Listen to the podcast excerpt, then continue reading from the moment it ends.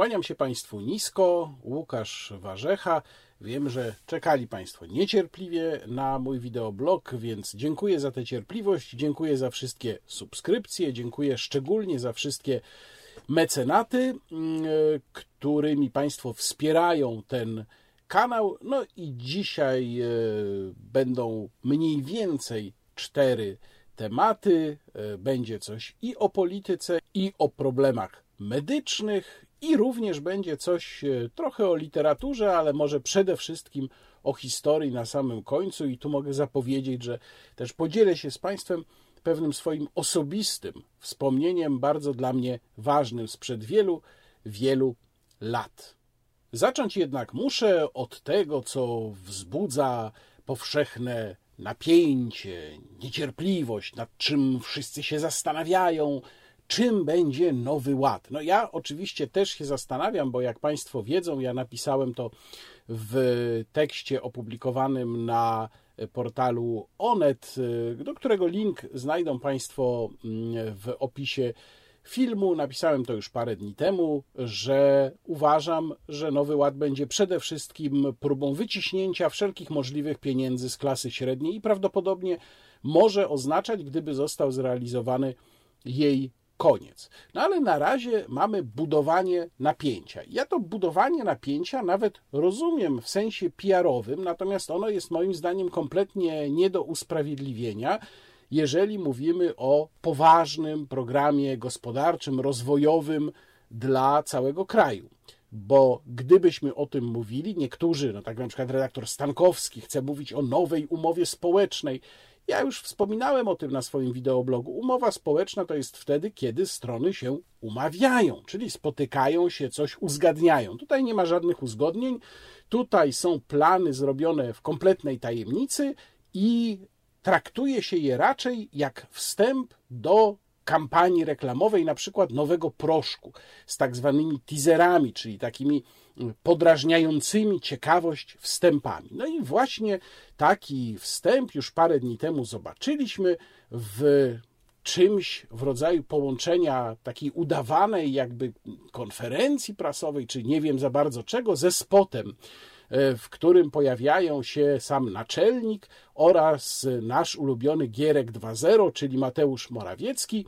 E, ten spot, on oczywiście występuje osobno, to jest spot o Nowym Ładzie, e, natomiast w tej prezentacji w roli jednego z prowadzących wystąpiła Natalia Nitek-Płażyńska, żona Kacpra Płażyńskiego. To jest ta sama Natalia Nitek-Płażyńska, która e, miała taką batalię sądową ze swoim niemieckim pracodawcą, ale ona mm, nie z tą batalią mi się przede wszystkim kojarzy, prawdę mówiąc, tylko kojarzy mi się z dawnymi czasami, kiedy pokazywała się w portalach społecznościowych z bronią, była wielką zwolenniczką e, strzelectwa i sama je uprawiała.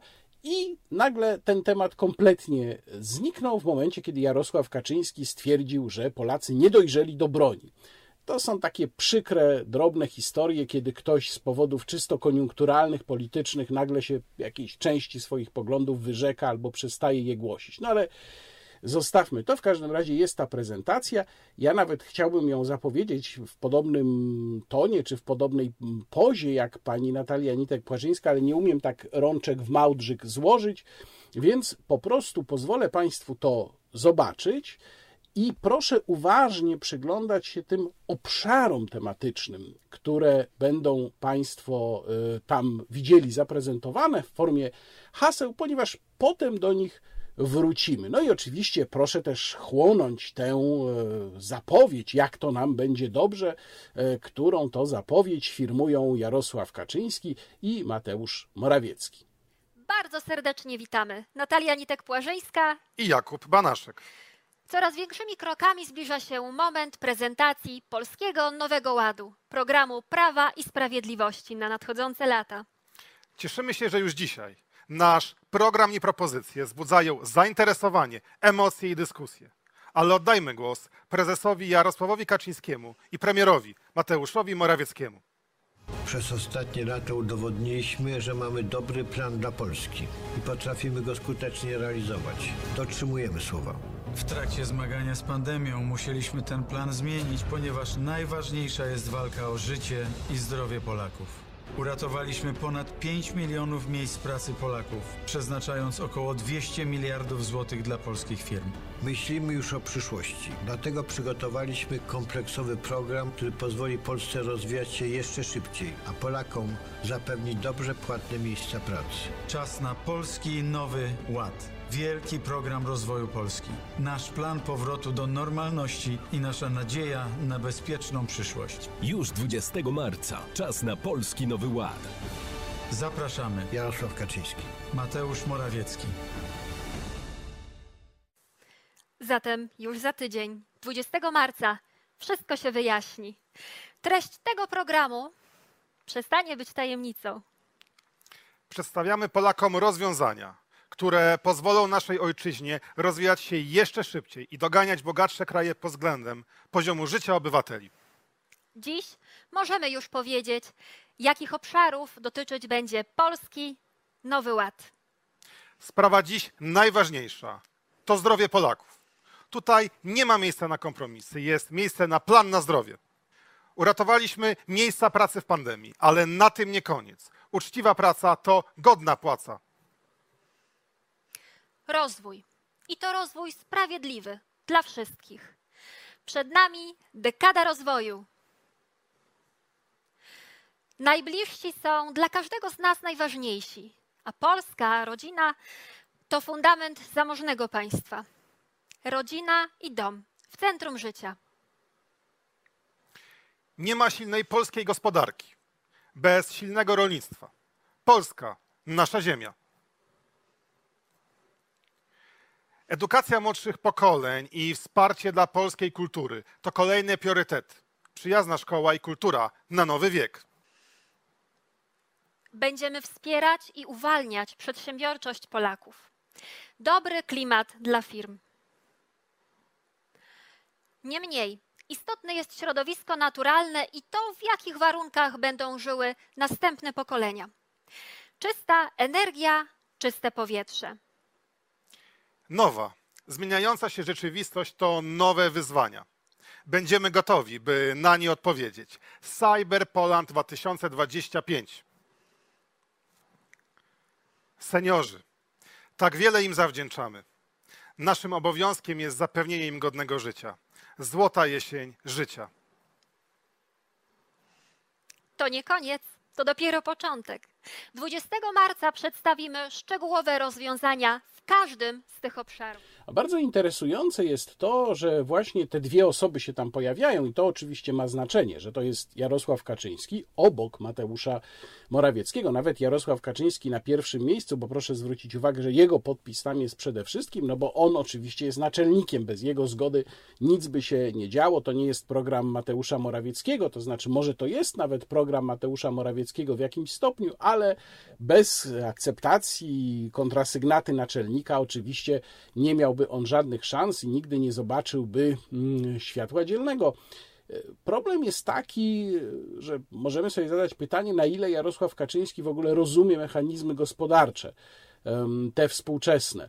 Myślę, że Jarosław Kaczyński już od dawna e, jest w świecie, który tworzy mu Mateusz Morawiecki swoimi opowieściami o tym, jak to wspaniale państwo będzie się wszystkim zajmować. Mateusz Morawiecki, który z kolei zafascynowany jest, jak wiadomo, wizją chińską przede wszystkim, czyli wizją taką, gdzie państwo trzyma wszystko za mordę, chociaż oczywiście też dużo bardzo e, jest tam prywatnej inicjatywy, ale mimo wszystko kontrola państwa, mocna kontrola państwa nad wszystkim jest. Mm, No i ta wizja, mam wrażenie, przenika również ten spot Nowego Ładu. Ale chciałbym zastanowić się teraz razem z Państwem nad większością tych obszarów tematycznych, które tam się pojawiają. Oczywiście nikt nam nic nie mówi, bo po co? Bo przecież my nie jesteśmy od tego, żeby coś z nami konsultować. My mamy po prostu ruki paszwam i wykonywać. No takie jest zalecenie i taka jest myśl wodza o tym, jaka jest rola obywateli w państwie, w naszym państwie. Y, Dlatego się z nami niczego nie konsultuje, tylko się nam mówi, że to jest wspaniały plan dla Polski, a jak już zostanie ogłoszony, to po prostu macie się cieszyć. No ale zastanówmy się, o czym nam się tutaj mówi. Mamy tam następujące punkty.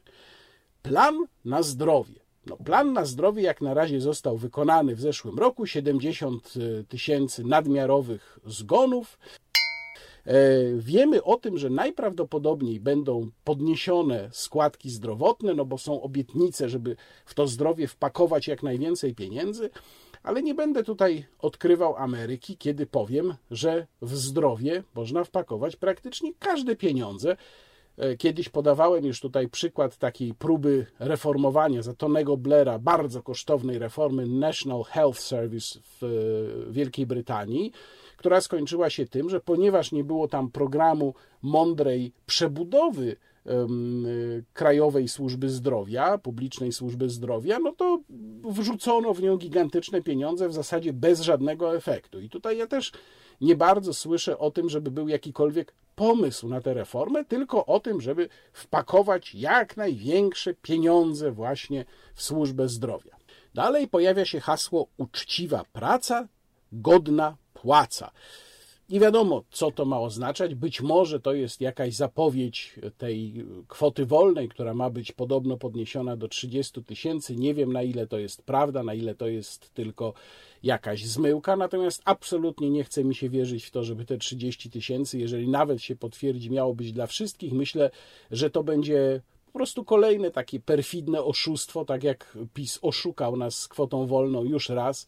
Przypominam, Beata Szydło w swoim ekspoze zapowiadała podniesienie kwoty wolnej do 8 tysięcy dla wszystkich w ciągu 100 dni swoich rządów. E, Wystarczy spojrzeć do transkrypcji jej expose. Ja to mam zapisane na swoim komputerze na wszelki wypadek. Dokładnie takie słowa właśnie mm, padły, bez żadnych zastrzeżeń, że to będzie tylko dla jakiejś grupy podatników. Było tam powiedziane o 8 tysiącach kwoty wolnej w ciągu pierwszych 100 dni. Jak wiadomo, e, nie było to pierwsze 100 dni, a kiedy kwota wolna została podniesiona, to została podniesiona tylko dla tych naprawdę najmizerniej zarabiających, natomiast duża część podatników e, kwotę wolną miała obniżoną albo wręcz ją straciła. No i myślę, że tutaj będzie trochę podobna sytuacja, czyli najprawdopodobniej ci, którzy są uważani przez socjalistyczny rząd PiS za bogaczy, no pewnie e, kwoty wolnej nie odzyskają albo będą ją mieli bardzo, bardzo małą, jeżeli w ogóle. Natomiast jeżeli ona zostanie podniesiona, to zostanie podniesiona dla tych, których PiS sobie kupuje swoimi socjalnymi prezentami, czyli dla tych, którzy są poniżej klasy średniej, którzy niczego nie zgromadzili lub zgromadzili bardzo mało, mają bardzo mało oszczędności. Y, O tym zabiegu kupowania sobie określonej grupy elektoratu pisałem w, we wcześniej przywoływanym tekście na portalu Onet. Zresztą pisałem o tym już wielokrotnie, analizując y, długoterminową strategię Prawa i Sprawiedliwości. Następnie mamy hasło rozwój sprawiedliwy. Co ma oznaczać rozwój sprawiedliwy? Nie wiem. Pojawia się taki znaczek dekada rozwoju i pani Natalia Nitek-Płażyńska mówi przed nami dekada rozwoju. Nie wiem, dlaczego miałbym wierzyć na słowo pani Natalii Nitek-Płażyńskiej, a nawet Jarosławowi Kaczyńskiemu, że przed nami dekada rozwoju.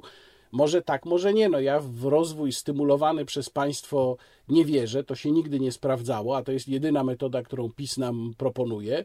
I jak ktoś mówi mi o rozwoju sprawiedliwym, to się bardzo boję, bo rozwój to rozwój, sprawiedliwość jest po prostu sprawiedliwością, a nie sprawiedliwością ludową mm, lub sprawiedliwością społeczną i tak dalej, i tak dalej. No więc tutaj bójmy się. Dalej mamy e, ukłon w stronę rolników, Polska nasza ziemia. Ukłon w stronę rolników to już PiS e, wykonał, najpierw uchwalając na samym początku swoich rządów absurdalną ustawę o ziemi, a teraz całkiem niedawno powołując na ministra rolnictwa, pana e, Pudę, e, wielbiciela radykalnej prozwierzęcej organizacji Viva, z którą sobie słodkie zdjęcia mm, robił pan minister, zwolennika zaorania e, branży hodowli zwierząt futerkowych, jednej z najprężniej działających w Polsce e, branż, więc e, no to tyle, jeżeli chodzi o dbanie o interesy rolników. Kultura na nowy wiek. To hasło również mi się podoba. Od razu mi przychodzi do głowy pan wicepremier Gliński ze swoim pomysłem opłaty reprograficznej. Kultura na nowy wiek, czyli zabierzmy ludziom, e, utrudnijmy życie albo w ogóle zniszczmy polskie firmy importerów elektroniki, żeby rozdać hołdysom i Agnieszkom Holland. Kultura na nowy wiek. Kolejny punkt jest szczególnie ciekawy. Dobry klimat dla firm. Będziemy uwalniać przedsiębiorczość, mówi Natalia Nitek-Płażyńska. Uwalniać przedsiębiorczość? To coście zrobili z tą przedsiębiorczością przez pięć lat? Przez pięć lat ją krępowaliście, że teraz musicie ją uwalniać? No ja widzę już te ukłony w stronę przedsiębiorców. Ukłony w stronę przedsiębiorców w tej chwili wykonują głównie zwarte oddziały milicji obywatelskiej, które do przedsiębiorców wchodzą, gazują ich w ich lokalach otwartych, kiedy przedsiębiorcy próbują się ratować przed e, plajtą, powalają ich na ziemię, skuwają w kajdanki, niektórych w ogóle zatrzymują. To są właśnie ukłony Zjednoczonej Prawicy w stronę przedsiębiorców. Myślę, że przedsiębiorcy bardzo te ukłony doceniają. Hasło Złota jesień życia bardzo przypomina mi reklamy otwartych funduszy emerytalnych, kiedy one wchodziły i też przekonywano przyszłych emerytów, że dzięki uczestnictwie w OFE będą mogli sobie e, w czasie swojej jesieni życia na przykład wyjechać na Majorkę, w ogóle zamieszkać na Majorce czy w Hiszpanii. No to jest...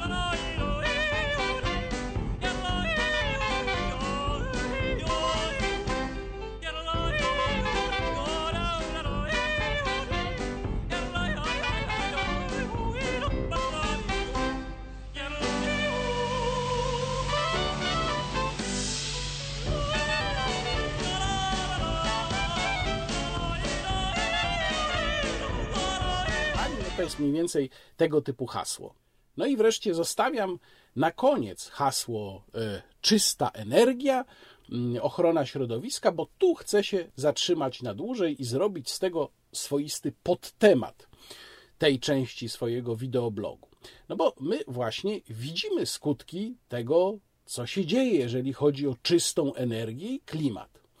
Skutki decyzji Unii Europejskiej, na które zgodził się i rząd Platformy Obywatelskiej już dawno, dawno temu, i potem w kolejnych etapach godził się na nie rząd Zjednoczonej Prawicy. To było stworzenie spekulacyjnego rynku, czy dopuszczenie spekulacji e, zezwoleniami na emisję CO2. Tu Państwo widzą wykres. Od początku ubiegłego roku, jak wyglądały ceny, jak się kształtowały ceny zezwoleń na emisję CO2, a przypomnę, że te zezwolenia nie są już rozdawane państwom, tylko my musimy je kupować na wolnym rynku.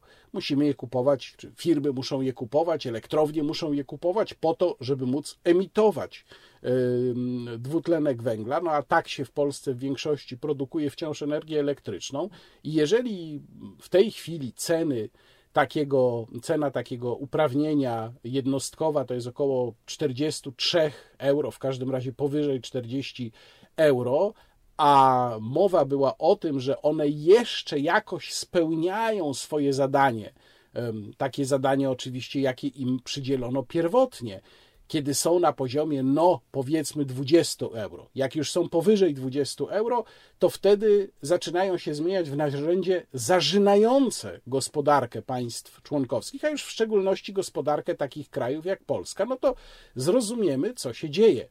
I państwo też zrozumieją, dlaczego dostają państwo coraz wyższe rachunki za elektryczność na których zresztą pojawiły się nowe pozycje, opłata mocowa, opłata na odnawialne źródła energii. To jest właśnie ta czysta energia i dbałość o środowisko, które tak zachwalają nam przedstawiciele Prawa i Sprawiedliwości w tym spocie. A teraz przypomnijmy sobie, co w grudniu 2019 roku nasz nieoceniony wicepremier Jacek Sasin, minister aktywów państwowych, mówił na temat podwyżek cen prądu. Czy prąd dla odbiorców indywidualnych w tym roku podrożeje, czy nie?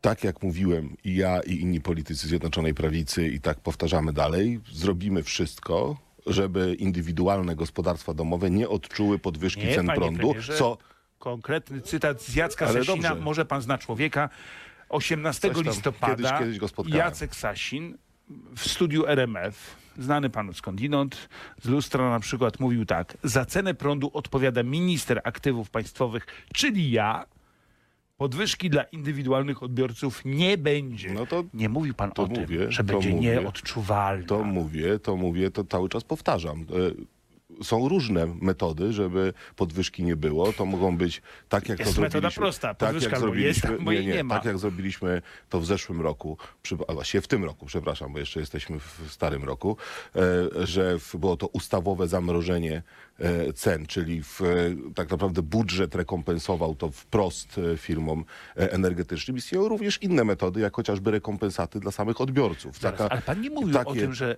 Takie że- metody, panie Pani- redaktorze, ale poruzna, poruszamy się w pewnej przestrzeni również prawnej, prawa europejskiego. E, coś, co jest rekompensatą Miesiąc dla firm. temu, ale, nie pani spełna. redaktor, ale, przecież- ale proszę mi też powiedzieć, no, e, powiedziałem, że nie zapłacą więcej Nie. gospodarstwa domowe, tak? To jest to samo, że nie będzie podwyżki, tak? Tak, pan powiedział Nie zapłacą więcej gospodarstwa e, domowe e, i to podtrzymuję. No to jest Tak, proszę Państwa. A tymczasem wszelkie prace nad jakimikolwiek systemami rekompensat zostały wstrzymane. Rekompensat nie będzie i koniec.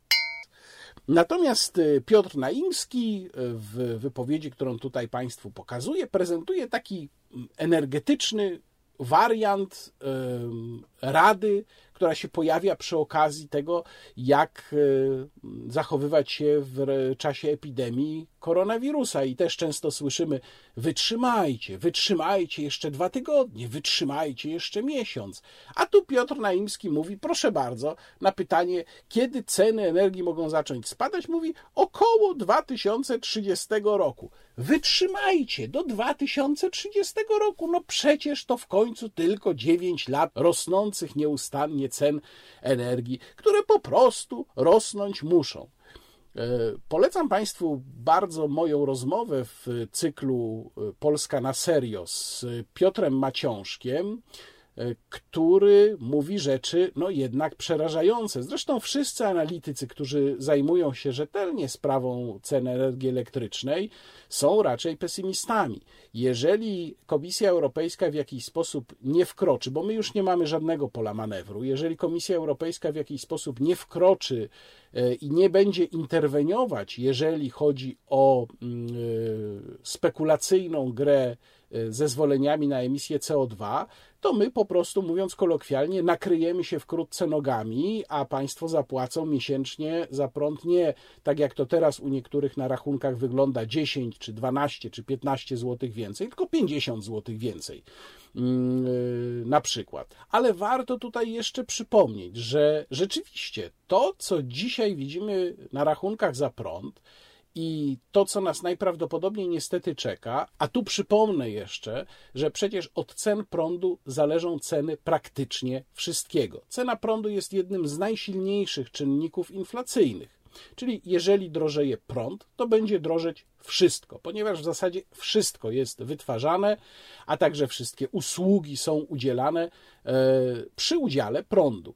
Otóż jeżeli spojrzymy w przeszłość i zobaczymy, jak kolejne rządy w kolejnych momentach godziły się na kolejne cele związane z ograniczeniami emisji CO2. Ostatnia taka zgoda, przypomnę, miała miejsce w grudniu ubiegłego roku. Oczywiście rząd PiS Mateusz Morawiecki zgodził się na wszystko, na kolejne podwyższenie celów e, redukcji emisji CO2. To jednak pragenezą tej całej sytuacji było o czym niektórzy w ogóle nie chcą pamiętać, e, była zgoda Lecha Kaczyńskiego na traktat lizboński, czyli zgoda na zmianę systemu głosowania z systemu nicejskiego, który dawał nam dużo większą możliwość blokowania niekorzystnych dla nas decyzji Unii Europejskiej, na system, w których już takiej możliwości nie mamy. Jeszcze tam do pewnego momentu mm, powstrzymywany mm, tak zwanym kompromisem z Janiny, czy Joaniny, jak niektórzy wymawiają nazwę tej greckiej miejscowości. Mm, e, Natomiast teraz już nie, już od kilku lat nie. E, Więc wtedy ja bardzo dobrze pamiętam, ponieważ rozmawiałem również o kwestii traktatu lizbońskiego w 2010 roku, przeprowadzając wywiad rzekę z Lechem Kaczyńskim. Bardzo dobrze pamiętam, jak Lech Kaczyński mówił i w 2007 wcześniej, i mnie potem w 2010 roku, To jest sprawa na wiele lat do przodu. W Unii się jeszcze wiele, wiele może zmienić. No tylko nie przewidział Lech Kaczyński, że się zmieni na gorsze. I niestety tamta decyzja ma dla nas dzisiaj fatalne, absolutnie fatalne konsekwencje. Mielibyśmy dużo większe możliwości blokowania tego typu przedsięwzięć i tego typu decyzji, gdyby nie traktat lizboński.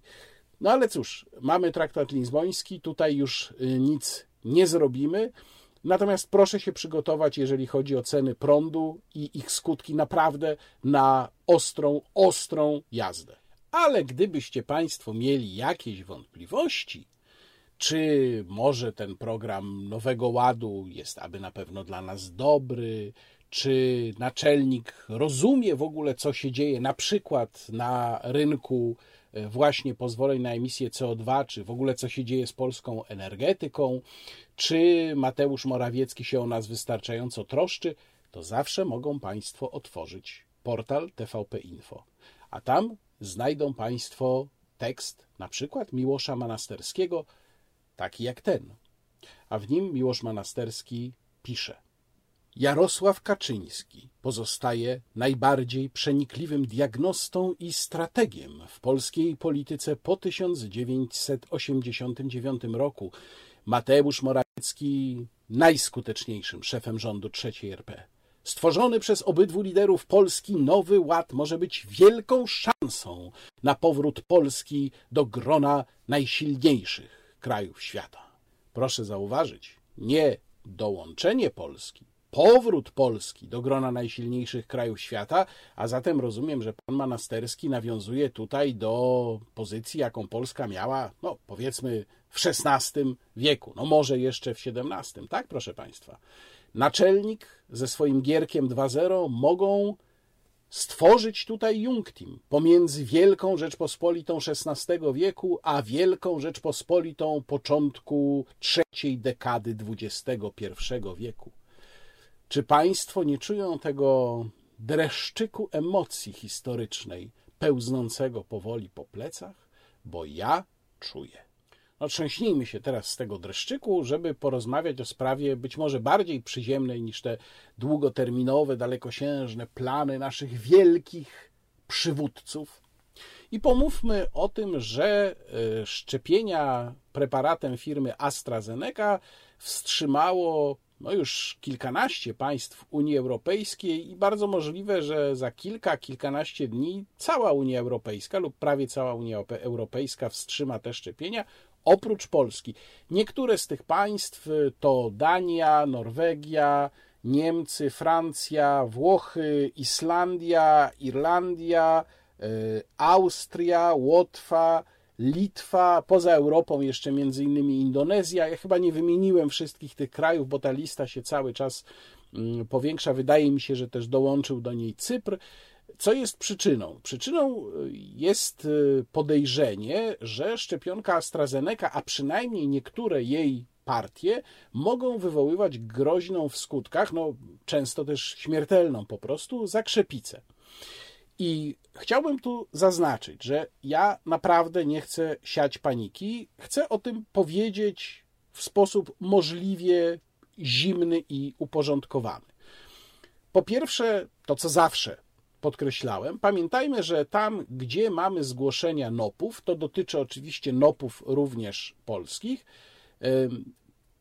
bez bardzo wnikliwego zbadania danego przypadku nie jesteśmy w stanie na 100% stwierdzić, czy mamy do czynienia jedynie ze zbiegiem okoliczności, czyli zbiegiem czasowym jakiejś dolegliwości i szczepienia, czy też jest tu ciąg przyczynowo-skutkowy.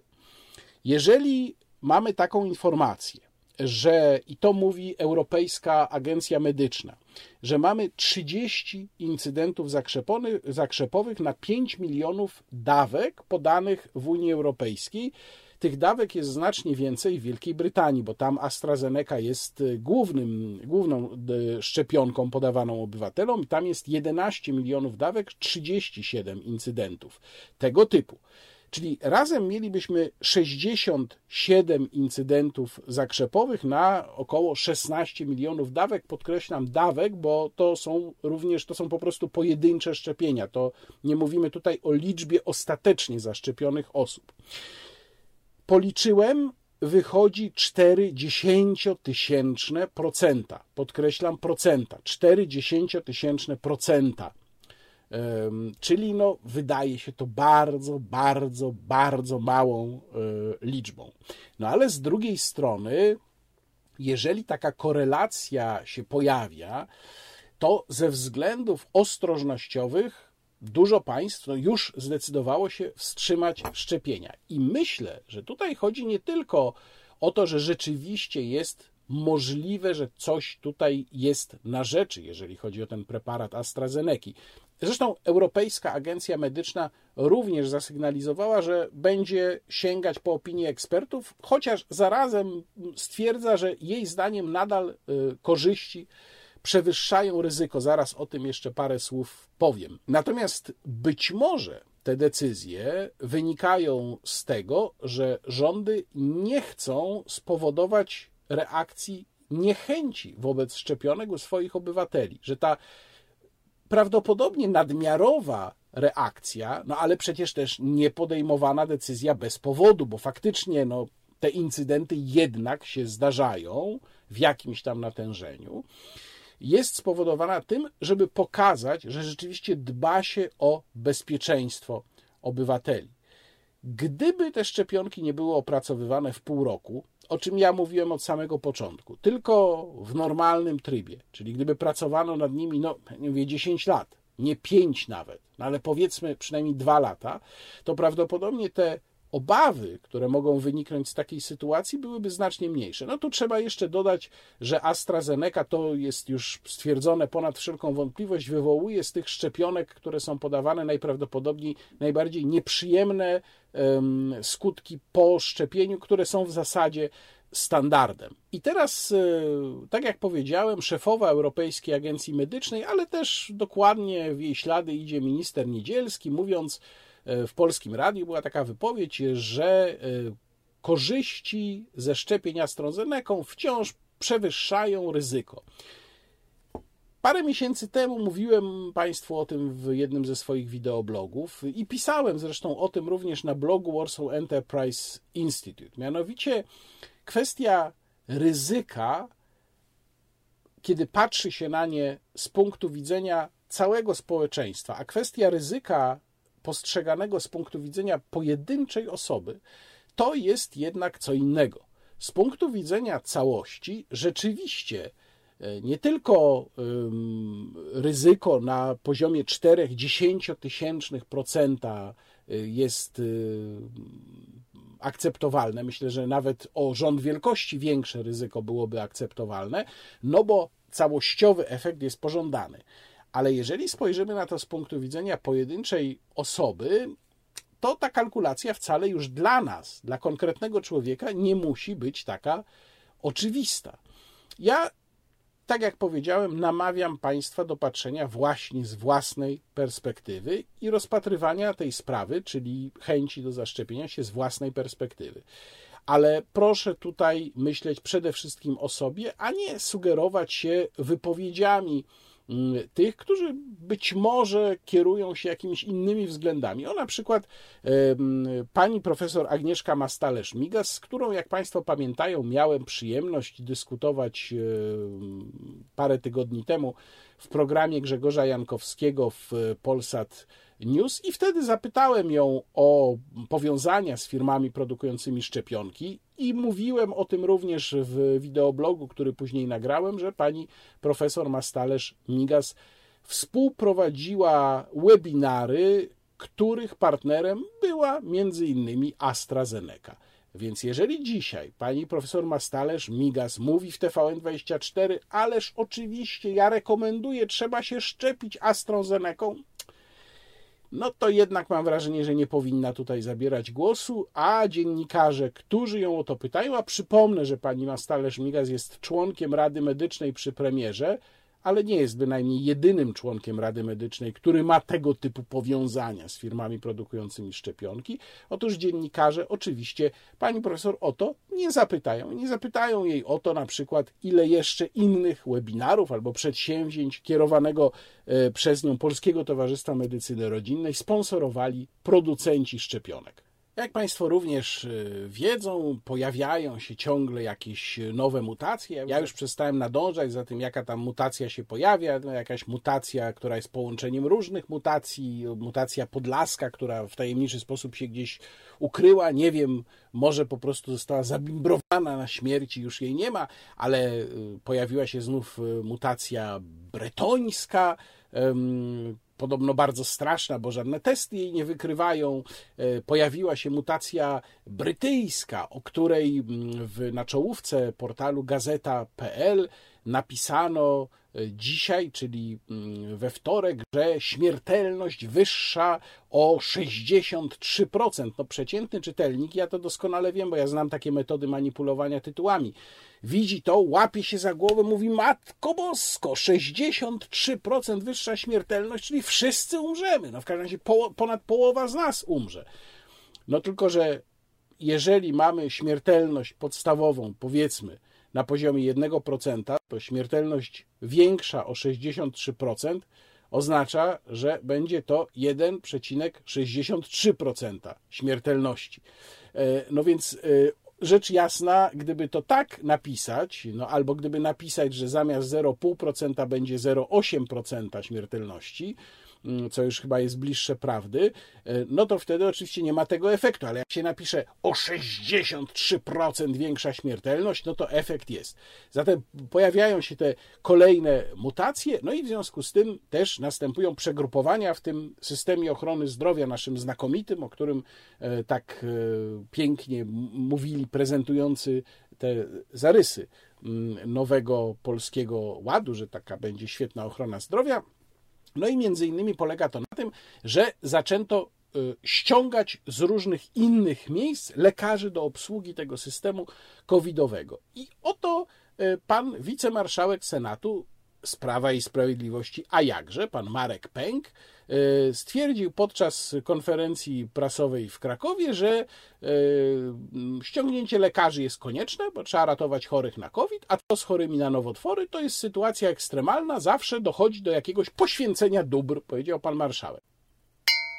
Napisałem to na Twitterze i zwróciłem uwagę na tę jego wypowiedź, to pan marszałek, wicemarszałek Senatu, pan Marek Pęk, napisał: To jest manipulacja moją wypowiedzią. No ale nie napisał już, na czym ta manipulacja miałaby polegać, więc, panie marszałku, czekamy. E, polecam tę pełną empatii wypowiedź wszystkim chorym na nowotwór lub ich rodzinom. E, tak, proszę państwa, właśnie wygląda służba zdrowia w dobie koronawirusa w państwie kierowanym przez Zjednoczoną Prawicę. Was po prostu trzeba poświęcić. To jest poświęcenie, na które pan marszałek, wicemarszałek Senatu, pan Marek Pęk jest gotów. A teraz, proszę Państwa, prawdziwa gratka. Mam nadzieję, że zainteresuje tą inicjatywą różnych oglądających mnie przedsiębiorców, których serdecznie pozdrawiam, a wiem, że Państwa tutaj trochę na kanale jest. Otóż macie Państwo sposobność odwdzięczyć się lekarzom za to, że od miesięcy nie zawracają Państwu głowy, nie każą przychodzić do przychodni, tylko można się z nimi wyłącznie mm, porozumieć telefonicznie. No to teraz będzie zmienione, ale odgórnie, bo gdyby to od lekarzy zależało, to w większości oni by pozostali przy tej bardzo wygodnej przecież telefonicznej formie, gdzie mm, można sobie samemu zajrzeć w gardło, można sobie samemu zajrzeć do nosa, sprawdzić, czy noga nie jest złamana. E, myślę, że bardzo bardzo wielu pacjentów dzięki teleporadom nabrało pewnych umiejętności e, medycznych. Otóż, proszę Państwa, pan Jarosław Fedorowski, prezes Polskiej Federacji Szpitali, wymyślił akcję. Akcję rabat dla medyka. Jakby Państwo chcieli, to uwaga, mówię, co można zrobić. Polska Federacja Szpitali zwraca się z apelem do przedsiębiorców, których sytuacja nie uległa pogorszeniu albo uległa poprawie w czasach pandemii COVID-19, przepraszam, o udzielanie rabatów medykom walczącym z pandemią COVID-19 w podmiotach leczniczych. Nasza akcja jest podyktowana wdzięcznością dla bohaterów medycznych. Bohaterów medycznych zwracam uwagę wielką literą i chęcią wywarcia wpływu na polepszenie sytuacji medyków w obliczu trudnej sytuacji szpitali. I dalej czytamy. Prosimy Państwa, dziennikarzy mediów tradycyjnych oraz internetowych, o pomoc w rozpropagowaniu akcji Rabat dla Medyka. Pomagam, rozpropagowuję akcję Rabat dla Medyka. Myślę, że chętni, żeby wziąć w niej udział, będą walić drzwiami i oknami. Natomiast y, oczywiście oddaję honor, bo paru lekarzy popularnych na Twitterze, w tym y, y, doktor Kosik, doktor Basiukiewicz, no, zwrócili uwagę delikatnie e, panu Fedorowskiemu, że to chyba tak wizerunkowo jednak średni ten pomysł jest. Ale odzewu nie było, komunikat wisi, więc zwracam się też w imieniu pana Fedorowskiego z apelem, proszę państwa, tak jak państwa sytuacja uległa poprawie, to zwłaszcza do restauratorów się zwracam z tym apelem. Jak państwa sytuacja uległa poprawie, to proszę państwa, zróbcie rabat dla medyka, bo przecież medycy, jak wiadomo, mają najgorszą sytuację w czasie epidemii, im brakuje pracy i oni w ogóle nie zarabiają. Tak, rabat dla medyka. W poprzednim wideoblogu mówiłem o przykrej sytuacji ze słowem murzyn. No, podobno już nie można używać słowa murzyn. yy, I to jest oficjalne zalecenie Rady Języka Polskiego. Ale proszę Państwa, Rada Języka Polskiego już jest passé. Teraz powinna ją zastąpić Rada Neutralności Językowej. Tu Państwo widzą skład Rady Neutralności Językowej i ja wcale nie żartuję, bo Radę Języka Polskiego wielokrotnie mm, przebiły zalecenia, które tak zwany kolektyw zaimki umieścił na swojej stronie internetowej. Może się Państwu wydawać, że to, co ja tu będę Państwu czytał teraz, to są jakieś jaja, które ktoś sobie zrobił, ale nie. To jest absolutnie na serio. I w dodatku jest to inicjatywa ponadnarodowa, międzynarodowa.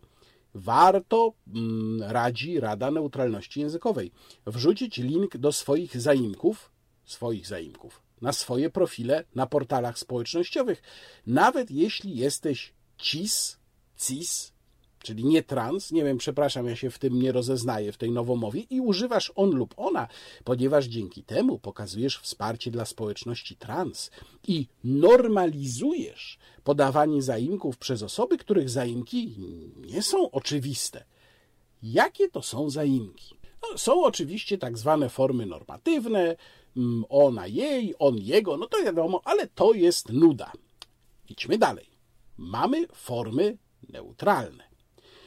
Ze względu na użycie już istniejącego w polszczyźnie rodzaju neutralnego jest to jedna z najczęściej używanych oraz łatwych do zrozumienia opcji. I teraz jak one wyglądają?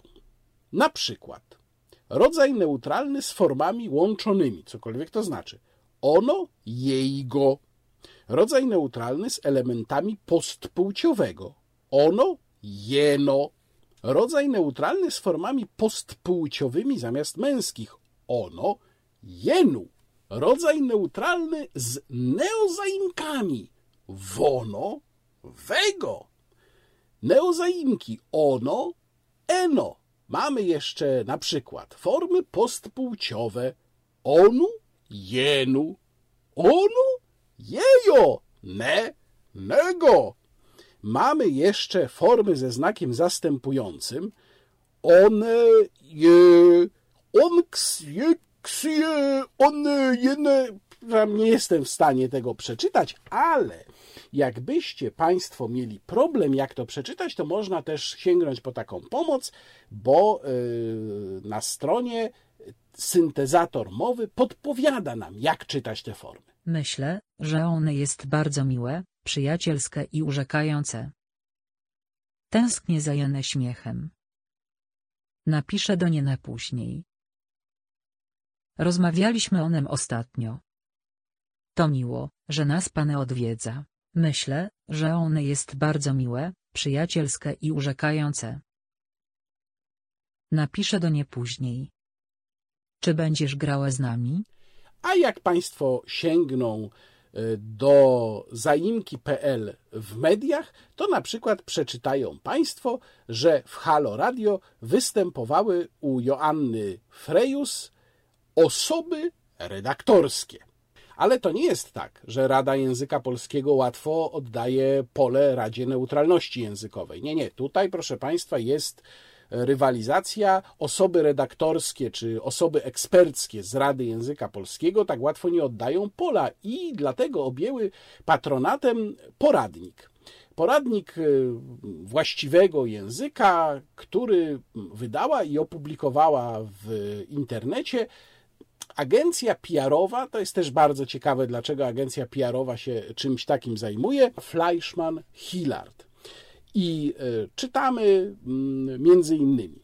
Zasada poszanowania godności ludzkiej dotyczy, co oczywiste, także kontaktów językowych, wszak e, język służy do tego, żeby się z drugim człowiekiem porozumieć i z nim współdziałać. Aby to działanie było efektywne, należy przestrzegać podstawowych norm etycznych, okazywać szacunek partnerowi dialogu i się z nim solidaryzować, czyli przejawiać zainteresowanie ważnymi dla niego sprawami. Prawdę mówiąc, nie bardzo rozumiem, dlaczego ktoś ode mnie wymaga, żebym miał się przejmować sprawami, które uważam za kompletnie nieistotne, tylko dlatego, że ktoś inny uważa je za istotne. Owe zasady etyczne przybierają postać dyrektyw sformułowanych na nie. Brzmi to wszystko bardzo pięknie, choć oczywiście napisane jest w formacie specyficznej nowomowy, natomiast e, sprowadza się to do bardzo sprytnej, przemyślanej operacji socjotechnicznej, też pojęciowej. To znaczy, mówi się nam mniej więcej tyle. Macie w języku zafałszowywać rzeczywistość, przestać używać słów, które opisywały od zawsze pewne zjawiska, bo komuś się to może nie spodobać. No i tutaj ja stawiam granicę, mówię non possumus, to znaczy, ja oczywiście mogę się zgodzić na pewne ustępstwa e, w ramach właściwego nazywania rzeczy mimo wszystko, żeby kogoś nie urazić, ale nie będę używał słów, które nie opisują rzeczywistości lub ją fałszują, tylko dlatego, że ktoś mi powie, że to jest niewłaściwe, bo w ten sposób znajduje się w jakiejś sferze językowego złudzenia, gdzie zacierają się już granice między tym, co jest prawdziwe, a nieprawdziwe. A co konkretnie zaleca nam ten poradnik? No, nie będę tu oczywiście mm, mnożył przykładów, ale tylko jeden z rozdziału, jak mówić, a jak nie mówić o osobach LGBT, coś tam, coś tam. A zatem tak, mówimy homoseksualność i biseksualność, a nie homoseksualizm i biseksualizm, bo izm to jest zła końcówka. Osoby homoseksualne i osoby biseksualne, tak jak osoby biredaktorskie, nie homoseksualiści i biseksualiści. Osoba transpłciowa, nie transseksualista. Korekta płci, nie zmiana płci. Nie mówimy mniejszości seksualne. Określenie to sprowadza osoby LGBT do seksualności, pomijając inne cechy składające się na tożsamość tej grupy. No bo oczywiście sami przedstawiciele LGBT przecież w ogóle nie zasadzają wszystkich swoich postulatów i całej swojej tożsamości na seksualności, prawda? Geje zamiast osoby LGBT. Geje to tylko jedna z grup tworzących społeczność LGBT, czyli tak nie mówimy. Teraz przypominam, czytam, czego nie mówimy. Nie mówimy kochający inaczej. Osoby LGBT kochają tak samo jak na przykład osoby heteroseksualne. Nie mówimy zalegalizować związki osób tej samej płci, bo wyrażenie sugeruje, że związki takie są dziś nielegalne. Nie mówimy homozwiązki, homomałżeństwa, homorodziny. Przedrostek sugeruje, że są inne niż pozostałe związki małżeństwa rodziny. No nie, oczywiście dwóch panów to jest przecież zupełnie to samo, co rodzina pan, pani z dzieckiem, prawda? I nie mówimy ideologia LGBT. Taka ideologia nie istnieje. LGBT to ludzie. A zatem y, osoby z Rady Języka Polskiego mają chyba jeszcze jakieś szanse na rywalizację z osobami z Rady Neutralności Językowej, aczkolwiek będzie to rywalizacja ciężka i trudna i myślę, że muszą mocno osoby z Rady Języka Polskiego podgonić, jeżeli nie chcą dać się wyprzedzić wono, wego, jenu, jenot. Chciałbym, żeby ostatnią część wideobloga wprowadziła taka piosenka. Być może niektórzy z Państwa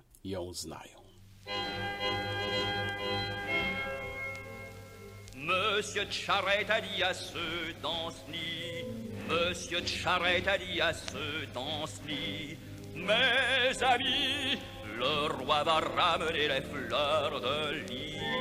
Quand on finit Grégoire, campagne pour le pourboire, prends ta vierge d'ivoire.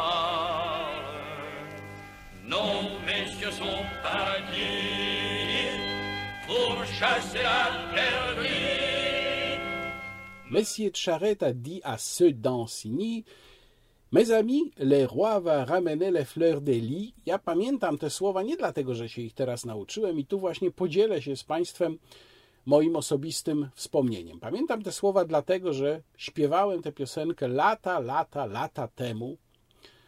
Myślę, że byłem wtedy chyba, jeżeli dobrze pamiętam, na pierwszym roku studiów i zdarzyło mi się razem z moim e, znajomym, zafascynowanym również wtedy ruchami konserwatywnymi i chyba nadal, chociaż nie mam z nim już od bardzo wielu lat kontaktu, zdarzyło mi się pojechać w wakacje do Francji e, na konserwatywną pielgrzymkę francuskich tradycjonalistów. E, Zatrzymaliśmy się u kolegi tego mojego znajomego w Paryżu najpierw i potem dołączyliśmy do kilkudniowej, bo to nie jest duża odległość, e, pielgrzymki, która szła z Paryża do Reims, a konkretnie do katedry w Reims, katedry będącej miejscem koronacji królów Francji, w tym świętego Ludwika IX, katedry absolutnie przepięknej, majestatycznej, niesamowitej. Szliśmy przez kilka dni w pogodzie, z tego co pamiętam, nawet dosyć kiepskiej, bo tam przez kilka dni bardzo mocno padało. Szliśmy przez y, polne drogi, pola szampanii i było to moje pierwsze zetknięcie z tradycjonalistycznym francuskim ruchem e, royalistów, ludzi, którzy nie uważali rewolucji francuskiej za największe szczęście, jakie Francję spotkało, nie uważali święta 14 lipca zburzenia Bastylii za to, co należy e, świętować, którzy wspominali najcieplej epokę em, francuskich królów, e, którzy w czasie pielgrzymki nieśli nad sobą sztandary z francuskimi liliami i właśnie śpiewaliśmy między innymi po drodze różne mm, francuskie piosenki związane z powstaniem Wandei i Bretanii. O tym za chwilę właśnie będę mówił. Między innymi tę piosenkę Monsieur de Charette, Piosenkę zresztą skomponowaną no, długo, długo po powstaniu, które przecież trwało w latach 90. XVIII wieku. Piosenka Paula Fewala z 1853 roku e, opowiada o jednym z dowódców wandejskiego powstania, François e, Athanas Charette de la Contrie, e, który w 1796 roku został rozstrzelany przez rewolucjonistów, przez republikanów na placu w Nantes. Miał wtedy zaledwie 32 lata.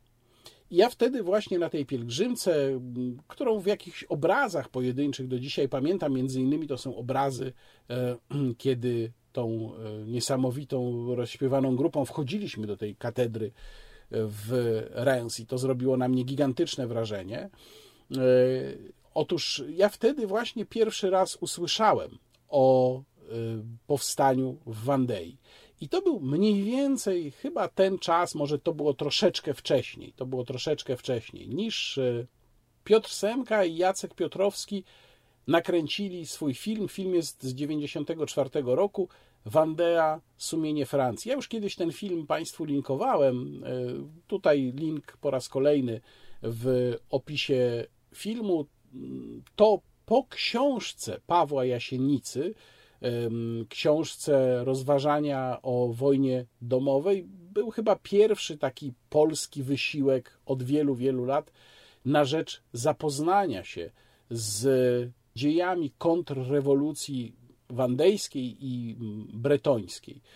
E, Paweł Jasienica pojechał do Francji w latach 60.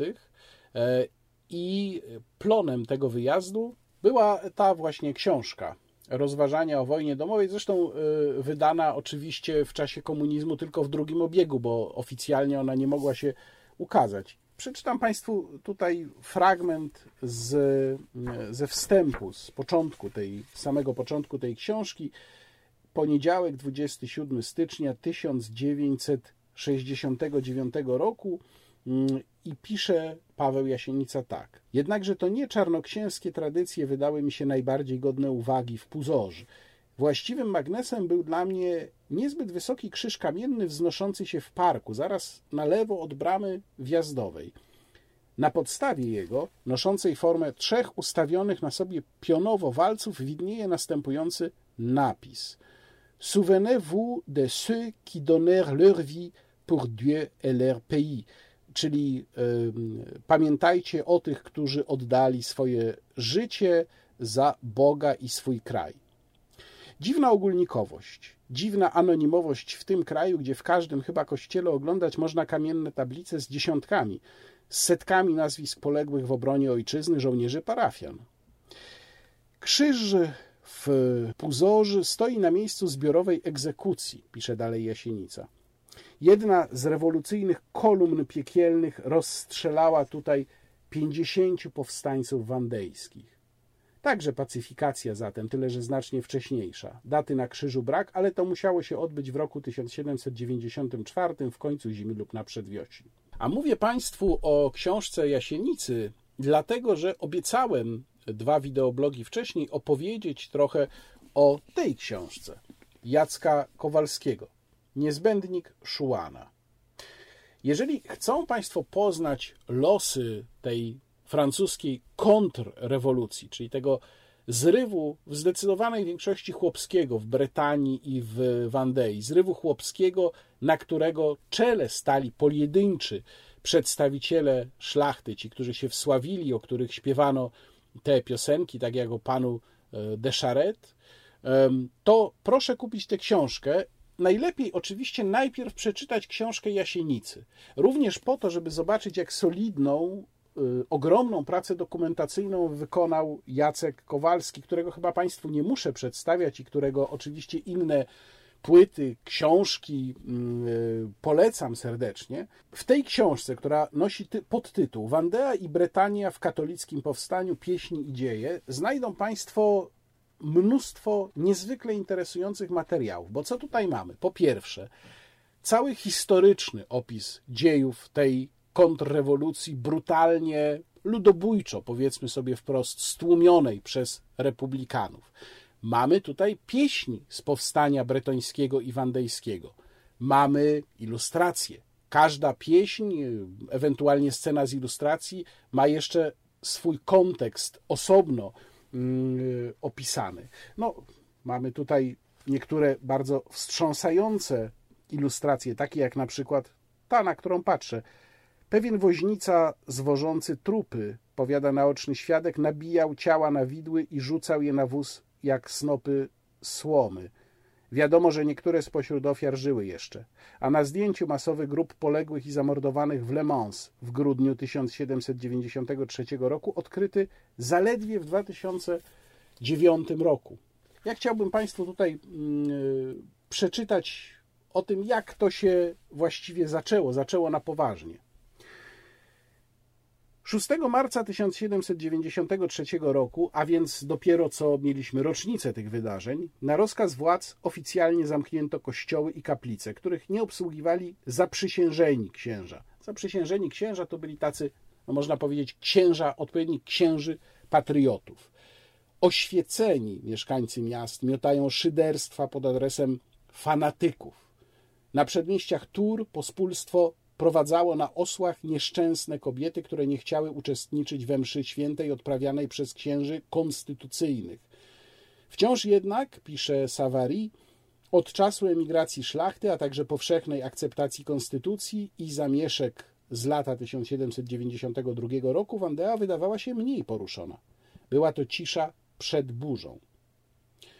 Niemal jednocześnie, bo 7 i 8 marca po raz pierwszy w historii Francji ogłoszono masowy pobór do wojska, który miał objąć 300 tysięcy młodych ludzi. W tej właśnie chwili sytuacja w zachodnich prowincjach ostatecznie, by tak rzec, pęka, pisze Jacek Kowalski. I jeszcze jeden fragment, który pokazuje, że rozprawa z buntownikami przeciwko republice była absolutnie brutalna, bestialska, nieludzka i ludobójcza. Męczennicy z Angers, to jest fragment ze strony 226. W miastach odzyskanych przez republikanów zasiadają rewolucyjne trybunały i ferują drakońskie wyroki. U niezorientowanych czytelników ich orzeczenia mogą budzić niedowierzanie. Obok czynów, których kwalifikacji można się nie dziwić, udział w walkach. Śmierć groziła za udzielenie jakiegokolwiek wsparcia powstańcom, choćby było ono wymuszone bądź symboliczne, wygłoszenie słów akceptacji i zgoda na zakwaterowanie oddziału, ale poza tym, a może przede wszystkim, skazywano za wyznawane poglądy, którym nie towarzyszyły czyny. Akta tych procesów są dostępne we francuskich archiwach. Jeden z dobrze udokumentowanych przykładów jest szczególny. Dotyczy grupy stu mężczyzn i kobiet świeckich oraz grupy księży i sióstr zakonnych zgilotynowanych na Place du Raillement w Angers lub rozstrzelanych na polach męczenników w niedalekim Avrier, dziś w granicach Angers.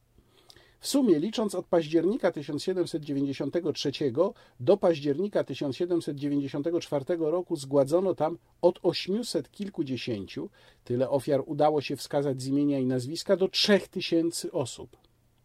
Już wtedy rodził się ich kult. Po ustaniu walk pole męczenników wykupiono. Powstała tu kaplica pod wezwaniem świętego Ludwika, a diecezja rozpoczęła starania o kanonizację ofiar. W roku 1926 został wyniesiony na ołtarze ksiądz Noela Pinot, zgilotynowany 21 lutego 1794 roku. W kwietniu roku 1984 święty papież Jan Paweł II beatyfikował 99 pozostałych jako pars pro toto wszystkich. Podstawę procesu beatyfikacyjnego stanowiło dokładne studium zachowanych dokumentów. Wandea i Bretania i to powstanie przeciwko francuskim republikanom, którzy ustanawiali swoje absolutnie nieludzkie porządki, przecież tak nieludzkie, że w końcu zaczęli sami siebie nawzajem gilotynować, dzisiaj już nie jest tak kompletnie nieznane, jak było wtedy, kiedy ja znalazłem się we Francji i szedłem przez Szampanię z Paryża do Reims wiele, wiele lat temu, ale jednak wciąż jest to mm, epizod historii mało znany, a przecież pojawiał się w kolejnych swoich odbiciach wszędzie tam, gdzie pojawiały się jakieś totalitaryzmy. Przecież to samo z wierzącymi, z kapłanami robili republikanie w czasie wojny domowej w Hiszpanii, to samo robili Sowieci, kiedy rozpowszechniali komunizm w Europie. I takie są po prostu tendencje każdego lewicowego totalitaryzmu. To właśnie zobaczyliśmy w latach 90. XVIII wieku we Francji w czasie powstań, kiedy to kolumny piekielne, słynne kolumny piekielne e, błękitnych, czyli Le Bleu, e, szły przez Vendée i miały rozkaz zabijać wszystkich kobiety, dzieci, mężczyzn, po to, żeby kontrrewolucyjny duch tam się nigdy nie odrodził. Bardzo Państwu polecam niezbędnik Szłana Jacka Kowalskiego. Polecam również płytę, która e, wraz z tą książką została wydana, a do płyty dołączony jest śpiewniczek, co ważne dla grających na gitarze, tak jak ja, śpiewniczek, zaopatrzony w rozpisane chwyty, więc można sobie wziąć instrument i od razu zacząć grać. Na dziś to wszystko. Pewnie zobaczymy się w wideoblogu i myślę, że może to być wideoblog Express w sobotę po ogłoszeniu mm, e, nieszczęsnego nowego ładu, a tymczasem żegnam się z Państwem, kłaniam się jak zwykle nisko. Łukasz Warzecha, do zobaczenia.